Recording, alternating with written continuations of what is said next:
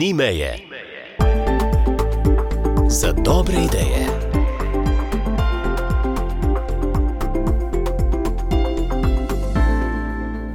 V zadnjih nekaj rubrikah sledimo inovacijam in novim rešitvam študentom iz Fakultete za elektrotehniko. Z nami je Lara, ki nam bo predstavila kostni prevajalnik zvoka ali kostni vibratorni pripomoček. Lara, lep pozdrav. Kakšne rešitve iščete? Tukaj se v bistvu gre predvsem za ljudi, ki imajo težave s sluhom. Spravi, tu deluje to je prihodnost slušnih aparatov za tiste, ki imajo nepoškodovane ušesne kosti. In zdaj, verjetno ste novinarka, veste, da kdaj, ko se poslušate svoj posnetek, ni enak, kot kadar si vi predstavljate v glavi, zveni drugače vaš glas. No? To pride zaradi tega, ker naš glas mi ga slišimo, ko potuje po zvoku in po kosteh. Ko pa poslušamo avdio posnetek, slišimo samo, kako potuje po zvoku. Nimamo tega po kosteh, pod, um, tega odmeva in zaradi tega pride do spremembe našega glasu. No, in te vibracije, na ta princip deluje tudi ta kostni prevajalnik zvoka, um, ki v bistvu je taka elektronsko-mehanska napravca, ki spremenja te električne signale v mehansko nihanje. Tako da recimo slušni aparat za te, ki imajo še dobre ušesne kosti, uh, poteka tako, da ima en mikrofonček, ki lovi z, um, zvočne signale in jih potem predva, uh, pretvarja v vibracije. In potem oni, ki imajo tukaj ta vibratorček, slišijo potem prek kosti. Bi radi provali? Oh, absolutno poznaj. Morda zdaj samo še pojasnilo našim poslušalcem, kako ste prišli na to idejo, na to novo rešitev, ker ste rekli, to je prihodnost slušnih aparatov. Torej, princip delovanja je spremenjen. Uh, ja, pač to je zdaj dokaj uh, nova zadeva, mislim, se jih že uporablja. Take. Problem je zaradi tega, ker jih ne upaš za vseh, ne? ker sem za tiste, ki imajo še nepoškodovane slušne kosti. Um, je pa to bilo že prej uporabljeno, recimo v vojski, ko imajo na zobeh, recimo vojaki in potem prek tega komunicirajo tudi. Um, v bistvu smo si malo sposodili, malo tako kombinacija, poskusi. Kako pa ste vi vstopili v to reševanje, kje se je začela ta naloga? Vse vem, precej kompleksno, težko je razložiti, ker nimamo tega predznanja kot vi, ampak mogoče en hiter opis, ko ste razmišljali, v katero smer inovativnosti bi šli, ste se izbrali, zakaj prav uh, sluh, slušne aparate, uh, to drugačno, novo pretvorbo zvoka. V bistvu lotilo se je na faksu, ne? en profesor je nekaj predaval, malo je bilo zanimivo, malo smo vprašali, malo smo se igrali na vajah.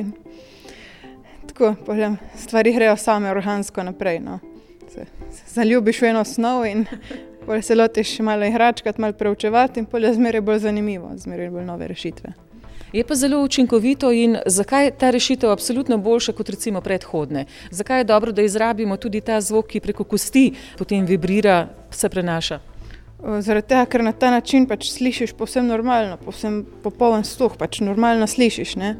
In um, poznam tudi ljudi, ki imajo tako probleme s tem potem preko vibracij si veliko pomagajo. Sicer je težava zaradi tega, ker ne moreš določiti smeri zvoka, z katere prihaja, ampak slišiš pa. In... Kaj se bo zdaj zgodilo s to vašo inovacijo? Je to zgolj vaša, vaša rešitev, vaša naloga, zdaj je to odlično upravljeno, je projekt zaključen, kakšen razvoj si zdaj nadaljnih korakov želite? Ne, ne, to se bo nadaljevalo, se bo nadaljno razvijalo na fakulteti in bo še, še, še več študentov vključilo, več profesorjev in tudi. No, zaradi vse bolj hrupnega načina življenja, pa še prostovoljno, ne si hrup vnašamo takšen dokaj nezdrav tudi v svoj organizem, je na nek način prihodnost tudi v tem, da bi čim bolje poznali zvok in si znali čim bolje pomagati na seveda človeku prijazen način, kot očitno deluje tudi ta kostni prevajalnik zvoka. Ja, seveda. Um, mi se mi učimo, da nekako sliši človek od 20 Hz do 20 kHz, ampak nihče ne sliši tako, mogoče dojenčki, ker um, naš življenjski tempo, kot ste sama rekla, nam toliko uničuje zvok, um, nam toliko uničuje sluh, da ni mogoče več, da bi imeli tako dober sluh in zato pač iščemo različne načine, ker bomo vsi potrebovali kmalo to.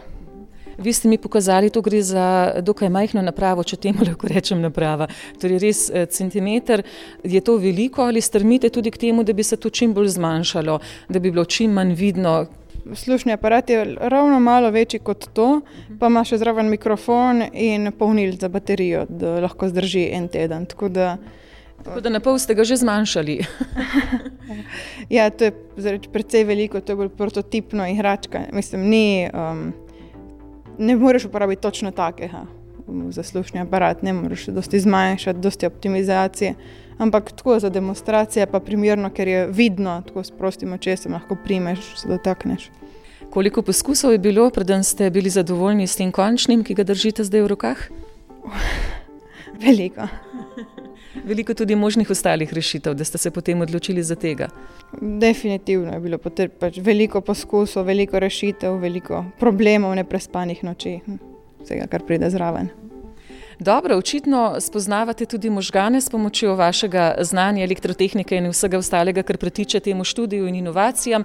Hvala lepa, Lara, za predstavitev kostnega prevajalnika zvoka in želimo uspešno delo še naprej, da bi populacija dobro slišala, ne ujela znova spet tiste zvočne vibracije, ki jih eh, sicer, kot ste rekli, kot dejenčki nekje imamo, potem jih pa zgubljamo. Hvala lepa za te pripomočke. Hvala in lep dan. Svedanje. Ni meje za dobre ideje.